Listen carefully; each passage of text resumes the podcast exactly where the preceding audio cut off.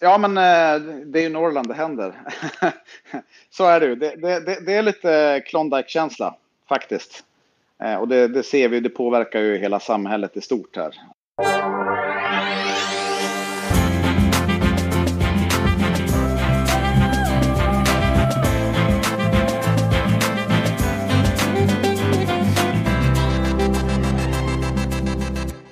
Hörru Lars, visst är du en gamer?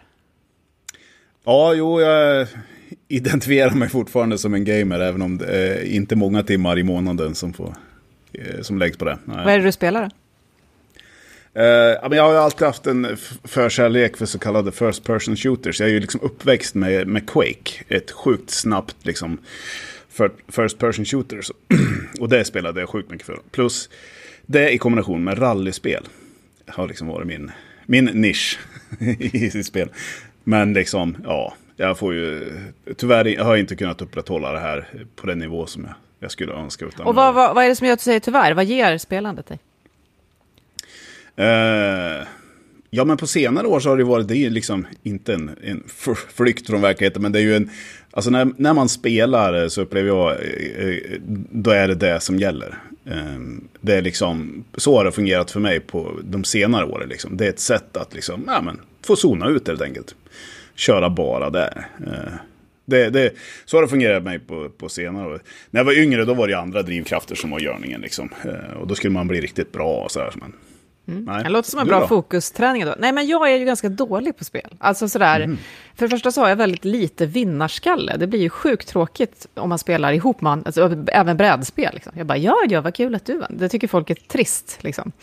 Eh, och så fastnar jag heller inte. Det är ganska många som har försökt få mig att spela. Alltså ja. jag liksom, eh, och jag, jag, jag står just och funderar på om jag ska be dig förklara det där first person shooter. Vi kommer tillbaka till det. Men mm. frågan är vad jag missar när jag inte då är inne i den här världen, bara som ett exempel på allt det här. Vi tar reda på det i dagens avsnitt av Livslångt. Jag som är Katarina Pietschak och du som är Lars Lingman. Och så tar vi in en gäst som vanligt som hjälper oss med det här. Det är Johan Linder. Hej! Välkommen. Hej, kul att vara med. Hejsan. Ja, superkul. Du jobbar på något som heter Arctic Game Lab, det ska vi snart prata också om. Men behöver jag ens fråga hur mycket gamer du är då?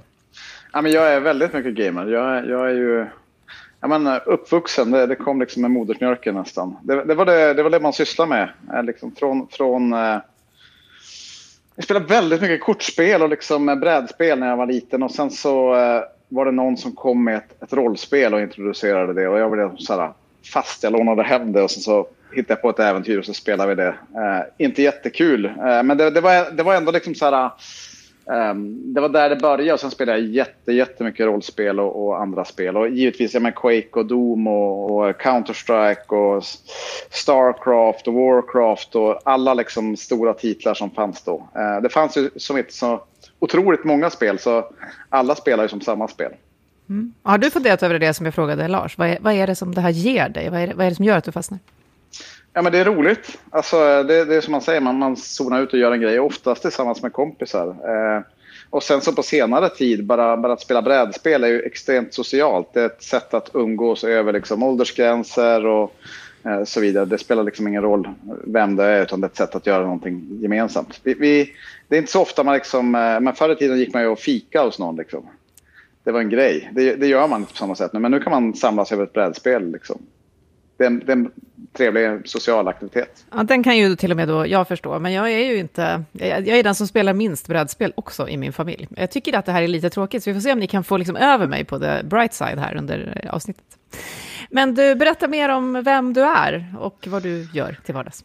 Ja, nej men eh, jag, jag eh, född i en liten by utanför Skellefteå och eh, som sagt spel var min grej. Det, det var liksom det jag ville syssla med och sen så i, i skolan så fastnade jag väldigt mycket för med Photoshop och 3D Studio hade, fanns det ett program som hette som hade kommit precis då. Så jag satt och meckade mycket med det där och, och när jag, jag skulle söka in till högskola och universitet så, så hittade jag en utbildning där det stod liksom Photoshop och, och 3D Studio Max. Jag bara check, där ska jag gå. Spelar ingen roll vad de gör, men jag ska gå där. Eh, och sen så landade jag på högskolan i Dalarna och började plugga grafisk teknologiingenjör. Eh, och, och via det så, så gjorde vi sen ett projekt i, i eh, trycksaksdesign eller något sånt.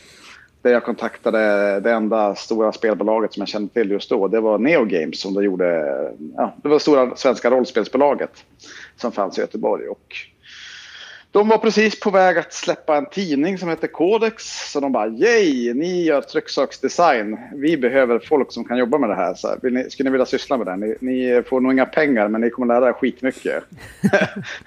så, och det sa vi ja till. Så jag och min bästa kompis satt med det här på helger och nätter. Och sen så blev det liksom min, min yrkeskarriär. Så, så som 23-åring så hade jag flyttat ner till Göteborg och satt som chefredaktör på en av Sveriges största speltidningar. Då. Så, ja, det var, det var min väg in i det här. Så kan en berättelse om ett livslångt lärande verkligen låta. Tack för att du tog med oss in i den. så. Eh, och det, det, var den enda, det enda bolaget du kände till då, det fanns en tidning och så, och det var det största, men det var ändå inte så väldigt stort eh, till där vi är idag. Mm. Eh, vad skulle du säga att du har lärt dig längs den här vägen, om vi bara börjar där? Ja, men, otroligt mycket. Alltså, jag hamnade väldigt tidigt i roller där man, man liksom skulle, skulle styra och hitta på och liksom, eh, hitta en väg framåt. Så liksom projektledning och att jobba med människor och eh, hitta drivkrafter och, och sälja överhuvudtaget och hitta produkter som funkar. Eh, jag har ju liksom inte, inte gått en skola för det.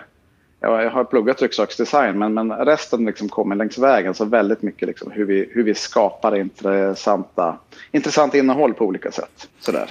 Och idag sitter du på Arctic Game Lab. Vad, vad är ja. det för den som inte har kommit i kontakt med det förut? Ja, men det är ett initiativ för att bygga spelindustri i norra Sverige. Um, jag, uh, jag, började bygga ett stort spelevent i Skellefteå som heter Nordsken. Eh, som nu är ja, ett av Sveriges största och är fantastiskt roligt. Sådär.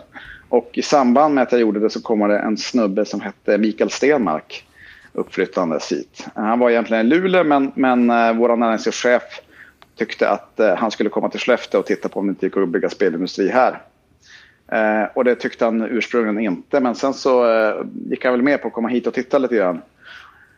Och såg att det fanns väldigt bra förutsättningar för att bygga spelindustri här. Vi hade en stark kreativ industri med, med menar, North Kingdom som ett, ett av liksom, våra flaggskeppsbolag.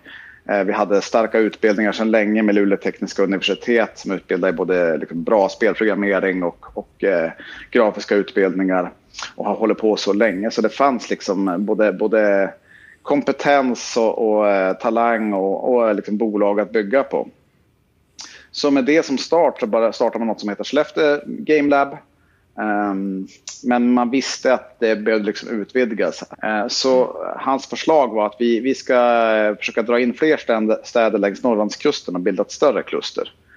Uh, och, och, det blev så att vi bildade Arctic Game Lab tillsammans med Boden, Piteå och Skellefteå kommun. Uh, man sökte även EU-medel då. så så det, land, det landade att vi hade ett projekt med 16,5 miljoner över tre år där uppdraget var att bygga spelindustri. Eh, och Arctic Game Lab blev helt enkelt varumärket för alla projekt vi sen skulle söka. Och idag har ni mycket ju regionalt samarbete på alla möjliga sätt och vis och hur ni får till kompetens och sådär. Det ska vi förstås komma tillbaka till.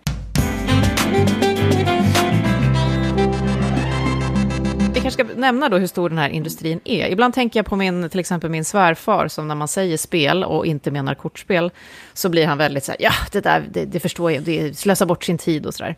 Att det är som någonting skumt för unga och kanske nördar då. Men om vi tittar på de senaste siffror jag har, senaste ni har släppt, det kommer ju snart nya, eh, eller ni, det är Svensk Spelindustri som har släppt dem, då kan man se att 2019 ökade spelbranschen i Sverige med 42 procent, omsatte 19 miljarder kronor och det var en ökning då med 13 miljarder på bara några år. Och snart kommer det då siffror för 2020. Hur tror du de ser ut, Johan? Sista siffrorna är att spelbranschen omsätter 26 miljarder tror jag, eh, de sista offentliga. Eh, och det kommer komma en ny rapport snart som jag tror eh, visar på en omsättning på någonstans 30-35 miljarder. Det är ju en exponentiell ökning nästan som du beskriver där så att säga. Och med vinst går också bolagen, eh, kollade vi. Sen är det ju klart att det är skillnad. De, de, de eh, liksom, stora bolagen gör ju fantastiska siffror. Det handlar ju om att, att lyckas göra ett spel som, som funkar internationellt och liksom, som, får, som blir en hit. Eh, lyckas du med det, ja, men då, då kommer också vinsten vara enorm. Sen är det klart att alla bolag gör inte vinst. Det finns bolag som går omkull och sådär. Eh, men det är också en iterativ process i det här. Eh, så har det sett ut. Att, ja, men det kommer spelbolag, de gör bra grejer, det funkar. Sen så kanske man satsar för mycket på någonting eller det, det blir något problem. Bolaget faller. Ur spillrorna av det så reser det sig fem nya spelbolag. Eh, och sen så skapas det fantastiska succéer från det. Så att, eh, ja. Och då måste vi bara innan vi går vidare så måste vi reda ut det här med begreppsförvirringen kring spelbolag. Vad är det ja. som den här industrin egentligen eh, innehåller? Därför att det, man kan ju lätt missledas, det vet jag att du också pratar om. Ja, men absolut. Det är en viktig, viktig del i det hela. Vi, vi brukar prata om spel och dobbel förut, men numera pratar man bara om spel. Eh, och det är synd, för vi skulle verkligen behöva återinföra begreppet dobbel. För, för vi har en massa eh, bolag som jobbar med kasinospel etc. Det finns också i Sverige. Eh, det finns mycket liksom, utvecklare som jobbar med det. Och det är inte det som är spelindustrin som vi definierar den. Utan spelindustrin är de som jobbar med, med vanliga spel som, som är underhållning. Som man inte pytsar in pengar i för att få spela och tjäna pengar på. Mm. Vi pratade om att på engelska är det lite enklare med gaming och gambling. Men här har vi inte riktigt. Absolut. Okej, men ni som då är gamers i den här spelindustrin som vi pratar om idag, kan, kan ni berätta vad är, vad är det som gör att det här kopplar till lärande? Vad är det som gör att, att spelande och att det blir så stort och att så många fastnar? Det är kul, sa ni, om man zoomar in och så, eller ut från annat. Men, men vad, hur kopplar det här till lärande? Ja, men det, det finns ju en massa olika sätt. Jag, jag tänker framförallt, alltså det som är viktigt med lärandet är ju att det är så motiverande. Spel är, är roligt, man vill sitta med det. Man är beredd att nöta och, och det är det jag tänker att, att eh, jag tänker tillbaka till min egen tid i, i skolbänken. Det var inte liksom alltid jag ville sitta kvar där. Eh, hade, hade lärandet varit lika motiverande så hade jag lärt mig fantastiskt mycket mer. Um, så, så där finns det ju liksom, det är där potentialen fick, tycker jag finns med spel i, i lärandet och gamification. Um, sen så lär man sig otroligt mycket i spel idag. Jag menar, du kan lära dig allt från, från liksom styra stora team till, till uh, ja, men konst eller liksom hur, hur, olika processer ser ut eller hur man bygger eller team, teamarbete på olika sätt. Så det är klart att det finns otroligt många Eh, lärandeprocesser i, i spel idag. Eller matematik eller minne eller vad som helst. Liksom. Men det, här är lite intressant där med, med, med, motivation kopplat till spel. Som jag själv har funderat ganska mycket på och så vidare. Mm. Jag kan se, jag har ju tre, tre barn som alla eh, gamar. Jag har mycket kompisar som spelar och sådär. Ofta så vill man dela in eh, motivation i inre och yttre motivationsfaktorer.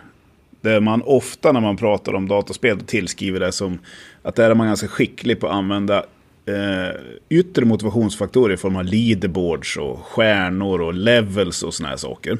Betyg. Eh, betyg, ja, exempelvis.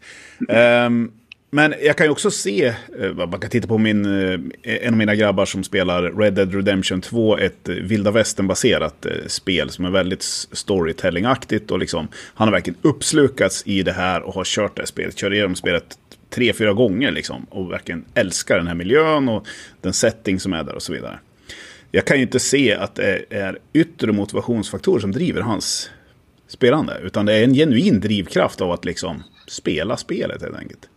Och då tänker jag, det är det här som man gärna vill försöka åstadkomma när man gör ett spel. Hur gör man det?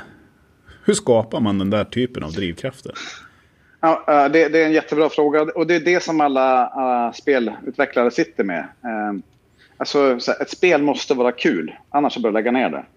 Eh, och, och där handlar det om väldigt mycket speltest och jobba liksom med små parametrar jobba med gränssnittet, jobba med den feedback du får. Det kan vara, det kan vara väldigt mycket sådana detaljer. Sen beror det väldigt mycket på vilket spel det är. Också. Det är ett berättande spel så då är det ju narrativet som driver det väldigt mycket. Eller konsten eller liksom ljudet. Ljudet är jätteviktigt. Eh, så det kan vara massa olika faktorer man jobbar med där. Eh, men, men eh, generellt sett så, så, kan man väl säga att är det inte kul så, så lägg ner projektet. Det måste, måste vara roligt. Och det finns egentligen då ingen enkel formel för att göra det kul? Nej, men eh, så är det ju. Jag, jag, tror att så här, eh, men om man tittar på många av de spelutvecklare, de, de, de lägger av så här, eh, men vi, vi ägnar halva fredagen åt att spela vårt spel. Vi testar våra nya funktioner. Tycker vi det är kul, ja men då är det bra. Är det inte roligt, då, då tar vi bort den eller så förändrar det och så tänker vi nytt liksom för nästa gång. Men, men allting måste vara roligt. Eh, annars blir det liksom inte, då skapar du inte de drivkrafterna. Då kommer inte eh, kunderna att vara kvar. Då kommer det vara något annat. Det är så otroligt roligt att tänka sig att man skulle överföra det till allt i arbetslivet. Är det inte kul så ska du lägga ner det. Det, det känns så otroligt lockande och lite förbjudet och konstigt. Och det är, det är inte kul. Nej, det är inte alltid kul att gå till jobbet, så ni barn. Så, men jag tänker att många i affärsvärlden och näringslivet också pratar om det här begreppet som du sa, gamification, eller kanske spelifiering på svenska då. Eh, man har förstått det här som ni pratar om nu. Det kanske är någon någonting ändå. Men vet alla vad det här innebär, tror du? Vad upplever du när du hör dem prata om det? Mm, nej, eh, det tycker jag inte. Alltså man, man, gamification är en sån här buzzword som, som snurrar runt. Eh, och eh, i, i, i, många fall så vill man ju liksom bara ta mm, element. Som du sa, yttre motivation handlar om att det ska vara en, liksom, ja, men du får en stjärna när du handlar här. Liksom. Du, kan, du kan få procent om du har handlat tillräckligt många gånger. Att, eller på något vis liksom jobba med de faktorerna. Så här, du går en utbildning och så får du en medalj på din LinkedIn. Det skiter väl jag i, det är väl inte så jävla viktigt. Utan, utan jag vill att det ska vara kul när jag gör det det är den typen av gamification man vill ha. Och det kan vara ganska svårt att få in i liksom, industriella processer. Så, ja, men hur gör vi det roligt att jobba med liksom, en gruvbrytning? Hur, hur får vi det liksom, att bli en fantastiskt rolig upplevelse? Eh, det kan vara svårt att, att överföra eh, på det sättet. Så jag skulle inte säga att gamification kanske lämpar sig överallt. Eller det, det kommer att vara en väldigt stor utmaning i alla fall. Mm, där har du något att bita i. Eh. Men en annan sak då, eh, vi nämnde skolbänken här, eh, alla har vi nog suttit där och zoomat ut eh, flera gånger så. Men det, en del skolor använder nu till exempel Minecraft, som är väl ett spel som i alla fall nästan alla känner till här. Eh, det finns studier på World of Warcraft och sådär som vi har pratat om. Om du fick bygga om skolan då, för dig själv och oss när du satt där, hur skulle du använda de här mekanismerna? Ja, men då skulle jag nog bygga om den väldigt drastiskt tror jag. Jag skulle, jag skulle ta bort det liksom linjära utbildningen vi har nu. Vi skulle inte vi skulle ta bort alla lärare på det sätt som de finns idag. Jag tror att vi skulle ha, eh, varje, varje elev skulle ha en dator och ett VR-headset tror jag. Eh, och sen så skulle man, man eh, jobba med en utbildningsplattform där du har liksom, men, matematikkurserna ett stort träd bara. Eh, och då får, du, då får du en individuell utbildning där du, där du matar igenom dem. Och varje utbildning skulle vara kul. Eh, det skulle vara byggt på ett, på ett bra, liksom, motiverande, inre motiverande, eh, spelifierat sätt.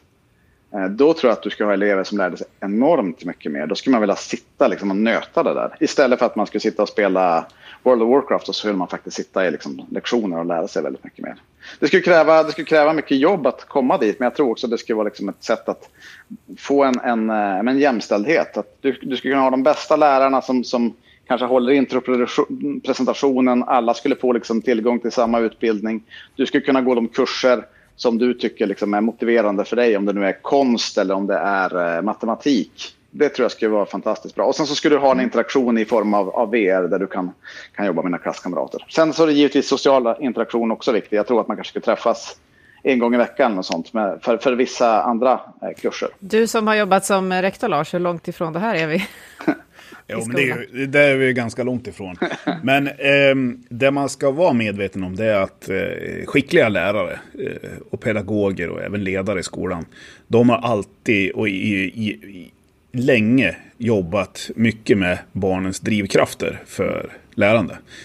Uh, och det kan vi se oavsett vad en ung människa, eller en, inte bara en ung, en människa tar sig an för någonting. Om den hittar sina genuina drivkrafter, då är det nästan ändlöst med hur mycket tid, hur mycket engagemang och kraft man kan lägga ner på någonting. Eh, och det här är ju, eh, många datorspel är ju väldigt skickliga på att bygga upp den här typen av drivkrafter, de genuina drivkrafterna. Liksom. Och det är också många lärare väldigt skickliga på att försöka alltså, verkligen få igång de här drivkrafterna. Sen finns det, man ska inte hymla med att det finns många som gillar de här yttre motivationsfaktorerna också. För en del så fungerar betyg som motivationsfaktor. Men för den större delen så är det väldigt svårt för att men den här situationen att lära sig för betyget, att lära sig för att visa upp någonting för läraren. För det blir en bubbla som är skild från deras verklighet. Det som alltså är i deras verkliga liv. Och när skillnaden mellan den här bubblan i skolan och det verkliga livet är för stor, då får många väldigt stora problem med drivkrafterna i skolan.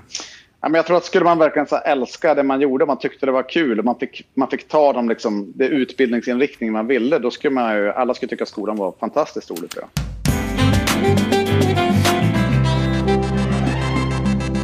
Jag tänkte jag skulle testa här eh, när vi går vidare då från skolan till eh, ännu lite mer eh, samhället och lärandet där.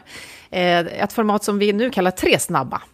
Det är tre snabba frågor du ska få Johan och du ska välja ett alternativ. Och här har jag ju då fått gå till en annan spelnörd eftersom jag nu inte är det. Så jag förstår inte vad jag ställer för frågor utan vi får helt enkelt hjälpas åt att förstå dem. Eller den första förstår jag faktiskt. Den går så här. Datorspel eller analoga spel? Analoga spel. Varför? Uh, socialt och, och uh Ja, men det var där det började och de, de funkar bäst för mig just nu i min livssituation. Det är, samma väg, det är samma väg som jag själv har vandrat faktiskt. Eh, och jag har ju ersatt mm. datorspelen med, med brädspel faktiskt. Så du kan inte vara riktigt lika fullt ut social i, över online så att säga? Jag hinner inte, jag har inte tiden. Alltså jag, jag skulle, jag skulle älska att liksom spela digitalt, men det, det tar för mycket tid. Mm. Den här då, Star Wars eller Star Trek? Star Wars. För att? Har du varit en sån Star Wars-nörd? Har du alla figurerna? Nej, faktiskt inte. Jag, jag, jag, landade aldrig i det så mycket. Men, men eh, Star Trek-formatet på Star Trek funkade inte riktigt för mig. Så Star Wars var liksom det jag fastnade i tidigt. Så, att, så att, eh, ja, det är definitivt Star Wars för mig. Vi satt på bussen och reciterade en massa liksom, eh, filmmanus-citat och grejer, jag och kompisarna från Star Wars. Vi kunde de första liksom, tio sidornas repliker. Härligt. Eh, jag gjorde en gång ett radioinslag om att försöka förstå Star Wars, så där i alla fall. Jag har ändå försökt. Så, ja. Alltså vad är det för saga som alla blir så fascinerade av? Det är otroligt märkligt faktiskt med Star Wars. Det är, det är ju faktiskt väldigt imponerande faktiskt att en, en franchise har kunnat vara ett svart hål i svensk familjeekonomi ja. i snart 50 års tid. Liksom. Och det är helt otroligt. det bara eskalerar. ja, faktiskt. Mm. Det är makalöst eh, skickligt gjort faktiskt. Okej, okay, den mest obegripliga för mig då. D20 eller D6? D20. Ja, berätta nu då, vad är det här och vad är det du svarar på? Ja, men eh, D20, alltså, det, det här är en tärning. Är det en 20-sidig tärning eller en 6-sidig tärning? Eh, den, den sexsidiga tärningen är väl klassiskt eh, brädspel, sådär, monopol. Medan jag skulle säga att D20 är mycket mer associerad med rollspel och mer avancerade spel. Därav ditt val? T4 är annars en favorittärning. Älskar sådana här akronymer. Absolut, den, den är bra. Det är en pyramidformad tärning med bara fyra sidor. Underbart, tack för att jag får lära mig det här. Då kanske hjälper mig in i, i detta sen.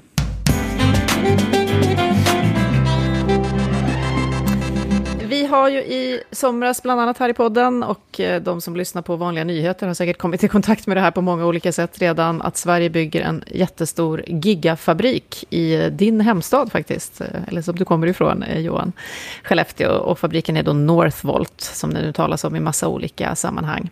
Och de pratar ju bland annat i vår podd om eh, utmaningarna att hitta sin kompetens. Att när nu hela Sverige handlar om det här, eh, det kan vi också prata om mm. vad du tänker kring, men hur hittar man och får upp till norr den här kompetensen? Vad i det känner du igen? Jo, men jag känner igen en hel del. Alltså, kompetensen är ju eh, extremt viktig, framförallt för oss, för att vi bygger ju mycket spelbolag från grunden det är inte så att alla de stora etablerar sig i Skellefteå utan vi behöver bygga en egen spelindustri. Då krävs det kompetens som, som dessutom vill vara entreprenörer. Eh, så där, där finns det mycket utmaningar. Eh, och vi har jobbat väldigt intensivt med att, med att öka mängden utbildningar inom spel här uppe. Så nu har vi, jag tror det är 13 utbildningar och från och med nu den 23 har vi ungefär 600 studenter i spel i Arctic Game Lab-regionen. Så det är eh, ja, väldigt mycket. Och jag tror att det är en nyckel för att kunna bygga den här industrin. Um, Northvolt har ju lite andra utmaningar. De kommer inte kunna få upp så, så många utbildningar så snabbt som vi har. Så att eh, det blir svårigheter för dem där kan jag tänka mig.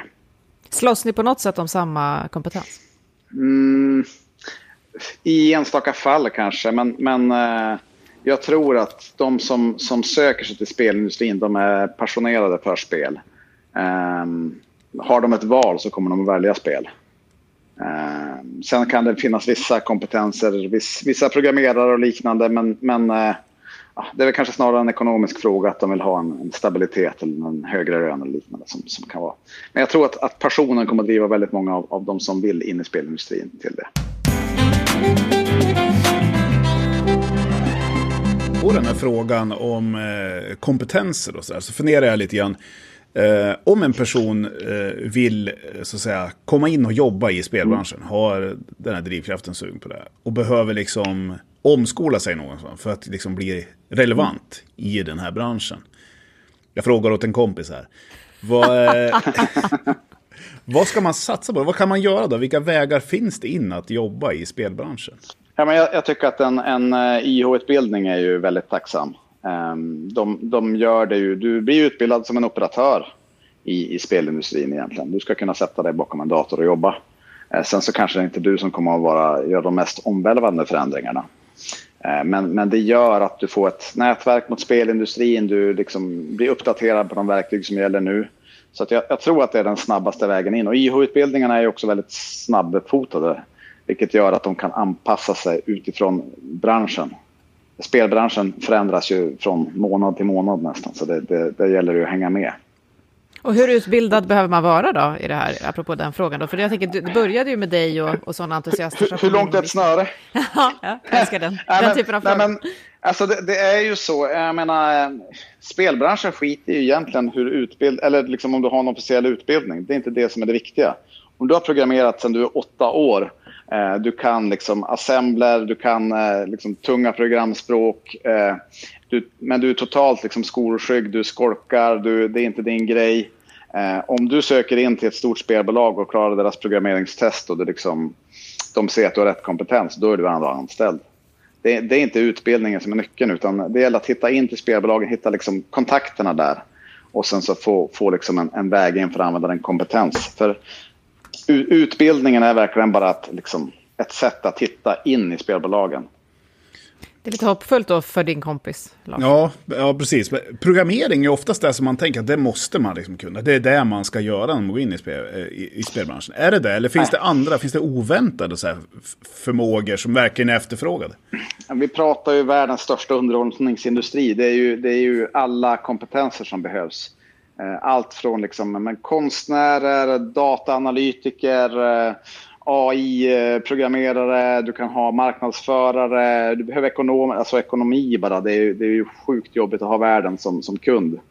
Eh, jurister, dansare, eh, eh, musiker. Alltså det, det är verkligen eh, enormt mycket olika kompetenser som behövs. Eh, jag skulle säga att, att om man tittar på kreativ industri så är ju spelindustrin det som är skalbart. Det, det är väldigt svårt att liksom hitta, hitta bra, bra jobb för, för eh, konstnärer och kreatörer. Men spelindustrin är verkligen dragloket i det. Det behövs otroligt mycket musik, bilder, konst, eh, visioner. Och det, det, när du då beskriver det så beskriver du som vi var inne på en, en av Sveriges då största basindustrier. Ja. Gissningsvis snart den största då utifrån den här kurvan du beskrev i början. Eh, och så pratar vi också om Northvolt och även fler då sådana här batterifabriker. Man får ju en känsla här nere i Mälardalen av att nu, nu halkar vi efter här det som händer där uppe i norr. Hur, hur tänker du kring den här bilden av Norrland just? Ja men eh, det är ju Norrland det händer. Mm. så är det ju. Det, det, det, det är lite Klondike-känsla faktiskt. Eh, och det, ser vi, det påverkar ju hela samhället i stort här. Allt från liksom, man, det finns inga, inga bostäder att få tag i. Eh, alltså, det, det, det uppstår en massa andra infrastrukturella problem. Eh, men, men eh, det händer extremt mycket här. Sen så ska jag menar Mälardalen har nog, har nog fortfarande bra drivkraft. Och hur känns det när alla pratar Northvolt i det här sammanhanget? Jo, men det är väl bra och dåligt. Det stora problemet för oss med Northvolt är väl att vi hamnar i skymundan. Northvolt gör ju otroligt stora affärer och, och men man behöver lägga extremt mycket resurser på att klara den, den inflyttning till exempel som sker på, på grund av Northvolt och de, de ombyggnationer och de, ja, men de hus som behöver fixas åt alla, alla byggare. Det finns inte en hotell att få tag i här nu för att allt är fullbokat med byggarbetare. Um, så att, eh, det är klart att till exempel kommunen blir ju överbelastade där och det, det, där finns det en risk att, att spelindustrin hamnar i skymundan.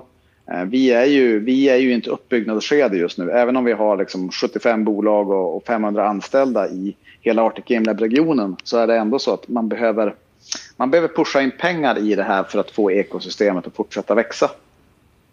Eh, så är det. Så att, eh, och där kommer nog finnas en dragkamp tror jag mellan, mellan olika typer av initiativ.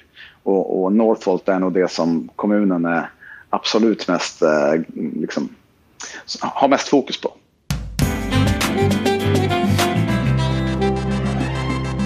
Ja, men då pratade du om att från och med måndag så är det sex, eh, eller från och med den 23 augusti ska vi säga, så är det 600 studenter som ni har i spel, olika spelrelaterade utbildningar uppe under er flagg så att säga, eller kopplade till er. Ehm, och det finns ju också andra i landet som håller på med det här. Hur gör ni för att väcka intresset då, så att den här kompetensen fortsätter strömma in och intresset fortsätter strömma in till er?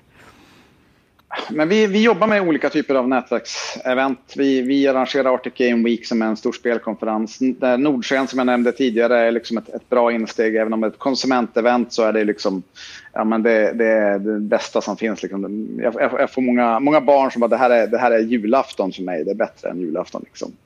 Eh, så det är klart att, att är de där och upplever det, det eh, och vi har, vi har spelbolag som är där, vi har spelutbildningar som är där.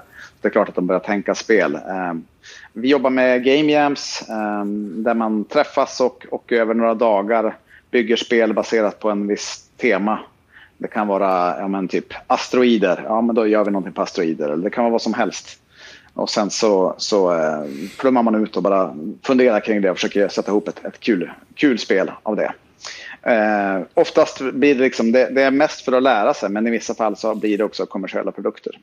Ja, allt det här då, då eh, som du beskriver nu eh, och som växer så oerhört mycket, hur tror du att det kommer påverka även andra branscher, traditionell industri och annat eh, framåt? Det, det, jag tror att vi kommer ha väldigt mycket kompetens som utbildas för spelindustrin. Jag tror att alla kommer inte att fastna i spelindustrin utan de, de kommer att hamna i det vi kallar för sekundär industri, vilket är klassisk industri, traditionell industri.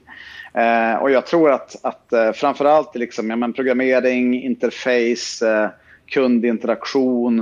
Eh, där så finns det väldigt mycket liksom, att förbättra inom industrin. Eh, så, så eh, ja, men där, och även kanske ur ett lärande. Liksom. När det gäller lärande så tror jag det kan hända ganska mycket. Eh, så framförallt där ser jag att det, det kan ske liksom spillover-effekter från spelindustrin. Sen är ju ja, spelindustrin är ju, är ju dagens raketindustri. Liksom, industri. Den kommer att ligga först och springa, springa först och vara, vara hetast och sexigast. Eh, så, så, kommer det att vara tror jag. Och det, det är liksom spelindustrins... Spelindustrin måste vara där. Eh, och de absolut bästa kommer att fastna i det och sen så kommer det att finnas massor av, av talang som, som hittar hem i andra industrier. Och vad önskar du av, du nämnde att yrkeshögskolan får fram mycket och ni har andra, vad önskar du av resten av lärandeväsendet, utbildningsväsendet för att det här ska bli så bra som möjligt? Ja, men det, det, vi, jobbar, vi jobbar mycket med universitet också, universitet och högskolor. Eh, och, eh, de har ju en, en annan eh, utbildningsuppbyggnad. Liksom, Den är också viktig. Eh, men där det, de, har, de har en, en, längre tid att anpassa sig mot, mot industrin och det är ju en utmaning. Eh, och ja, vad, ska man säga? Jag, jag, jag, tycker att båda de är viktiga. Det, det gäller väl att hitta någon typ av samverkan, att, att båda har sin, sin roll att spela i det här, att man hittar den, den passformen. Eh, alla kan inte bara utbildas till att bli operatörer, utan du behöver de som har liksom, ja, men, sju års programmeringsutbildning. De behövs också för, för det, det är liksom extremt tunga operationer som behöver göras eller väldigt, väldigt mycket matematik eller eh, absolut behövs. Eh, så att, ja, jag, tror, jag tror att det finns utrymme för båda där, men däremot så kan man väl bli...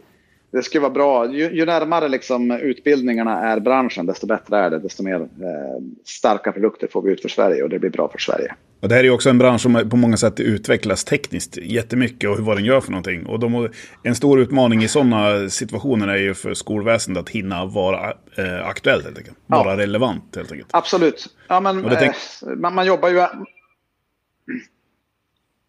man jobbar ju väldigt agilt i branschen. Så man förändrar ju hela tiden. Liksom, vad ska man göra för någonting? Spelen förändras och, och metoderna förändras. Och, ja, men, ta bara artificiell intelligens. Det tror jag kommer komma in jättemycket i spel nu. Som där ska skolorna behöva vara och jobba med det mot spel till exempel. Och det finns säkert massvis av andra områden. Vi tittade på, ja, men vi, vi jobbar ju med, med VFX-utbildningar där jobbar med något som heter virtual production som helt förändrar förutsättningarna för filmproduktion. Istället för att man har en green screen eller att man filmar på ett, ett någonstans en, en set någonstans ute i England eller var man är så har man en stor LED-vägg som man filmar mot. Och så har man en spelmotor som, som eh, visar upp hela den vyn. Så filmas till exempel de nya Star Wars-filmerna nu. Eh, och det förändrar helt och hållet liksom, eh, filmindustrin och hur, hur den, den processen ser ut. Så jag tror att eh, det händer så extremt mycket. Det är, en, en hel del är ju dyra investeringar för att man ska kunna jobba med tekniken. Men samtidigt så känns det som att man skulle behöva man behöver utbilda för de här arbetssätten för att personalen ska bli liksom relevant eh, hos bolagen. Så det, det, är väl utmaningen att kunna, kunna ha så hög nivå som möjligt på, på de som kommer ut från utbildningarna. Till sist då, om jag nu efter att ha lyssnat på er förstås är svinsugen på att börja spela mer, vad ska jag börja? Brädspel, sa vi det va? Okej, okay, nämn något sånt då. ja, men King Domino. Ja. Mm. Otroligt, otroligt bra, snabbt, enkelt eh, brädspel. Jag spelade med min, min eh, fyraåring och sjuåring och funkar jättebra. Eh, Carcassonne brukar jag rekommendera också. Också bra insteg. Absolut, det är ett fint, bra brädspel. Mm. Det har jag faktiskt testat en gång, då vann jag. Stort tack för att du var med oss, Johan Linder, affärsutvecklare på Arctic Game Lab, om den svenska spelindustrin och allt lärande som finns i den. Tack för att du fick med. Tack så mycket.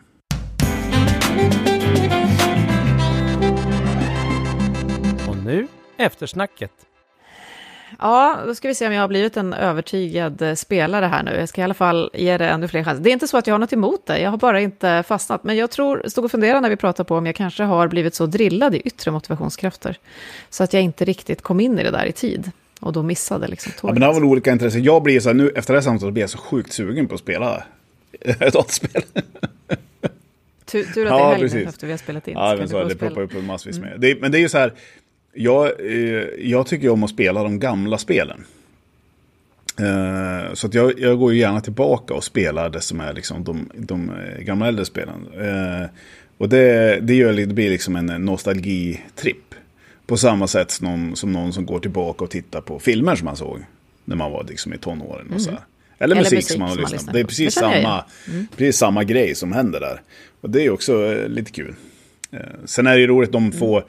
gånger jag hittar spel. Som Minecraft, jag har spelat ganska mycket Minecraft med mina barn. Eh, det är kul liksom. Det är ju som att bygga lego i stort sett. Så det är inte, det kanske kan vara din ingång, ditt ingångsknark här. ja, jag, jag, sitter faktiskt ibland, inte och spelar, men jag tittar på när mina barn bygger Minecraft och spelar med liksom, sina kusiner mm. online och sådär. Det är ju helt fascinerande, mm. det tycker jag ju verkligen. Ja, helt är... fascinerande. Och de har byggt vårt hus ja. som ser fantastiskt ut i Minecraft. Ja, det är ett nytt fenomen som alla föräldrar behöver liksom förlika sig med nu. Det här grejen med att de tycker att det är så roligt att sitta och titta på film på andra som spelar ett spel. Det är ju ja, lite av en järn, vi, tycker, vi tycker det är så svårt ja, att förstå. Det är, svårt ja, det. det är som att, okej, men ska jag sitta och titta på någon som tittar på en film? Ja, det mm. finns ju också mm. ganska gott om på YouTube. Många koncept som vi har lite mm. olika uppfattningar om. Men om vi bara tittar på det här då som, som vi började med att säga att det finns vissa, eh, fler än min svärfar tror jag, som tänker att det här med spel, det är liksom inte seriöst. Det är inte någonting, det är vid sidan av och eh, kanske inte alls någonting som man skulle koppla till lärande på det sättet. Och så har vi nu sett både att det växer otroligt fort och de här motivationskrafterna mm. och sådär. Hur tror du att vi alla behöver förstå mer av de här? Jag tror att eh, eh, jag är ju också uppvuxen som dataspelare. Alltså, var ju ständigt ifrågasatt liksom, som hobby. Eh, när man var där i, ja det var ju på 80-talet liksom. Alla de här grejerna, rollspel, datorspel, paintball, alla de där grejerna som ploppade upp då, karatefilmer. Alltså ska man titta tillbaka på vad mina stora intressen eh, var, nu, var då och hur, hur den vuxenvärlden såg på det så skulle jag ju typ vara någon vansinnesmänniska som satt i fängelse. Eh, för det var, det var de grejerna jag ägnade all min tid åt. Liksom. Eh, Men nu har ju liksom, jag tror synen på spelbranschen generellt sett i Sverige har ju liksom verkligen eh, förändrats ganska mycket. Jag tror att det, är ganska få som har de här barnsliga föreställningarna om vad det här är för någonting längre. Uh, det är ganska kämpigt, en sak som är kämpig med dataspelande är ju att när man tittar på någon som spelar så kan det se ut som en väldigt ensam verksamhet. Det är väldigt enskilt, det är inte så socialt. Men i de här spelen finns ju jättemycket sociala kopplingar. Och, och de som spelar kopplar upp sig med varandra och så här, via mikrofoner och så vidare. På många sätt kanske de har ett mycket mer utbyte med andra än vad jag hade när jag var ung, när jag inte spelade. Liksom. Trots att det kanske syntes då när jag var ute och lekte med mina kompisar på ett annat sätt. Det här är en sak som är ganska utmanande för föräldrar. Det utmanar mig också som förälder jättemycket. Um, men det är inte så självklart uppenbart att det finns massvis med socialt samspel i ett spel. Det är inte helt uppenbart. Mm. Okej, innan vi tar helg då kan vi reda ut det här med personal first shooter. Personal first shooter. Just det, first personal shooter, du ser. ja, men det är ju spel där man springer och liksom ser eh, spelvärlden ur vyn från ögonen. Så du ser alltså inte din egen kropp utan du spelar spelet som, som om du tittade ut genom ett par ögon. Oftast då med någon bössa i handen. Eh, men det kan också vara andra. Så, så Minecraft är ju ett, ett first person eh, spel på det viset. Så att säga. Där man bygger och ser. Rak, uh, vyn visas så som om jag såg det genom ögonen på spelkaraktären. Älskar när jag får lära mig nya saker. Tack Lars för det och tack för idag. Mm. Och ha en eh, yes, bra dag. Tack så du ha. Mm. Hej då. Ha en bra dag. Hej då bara. Du har just hört Livslångt, en podd från RISE om allt det där man lär sig i livet.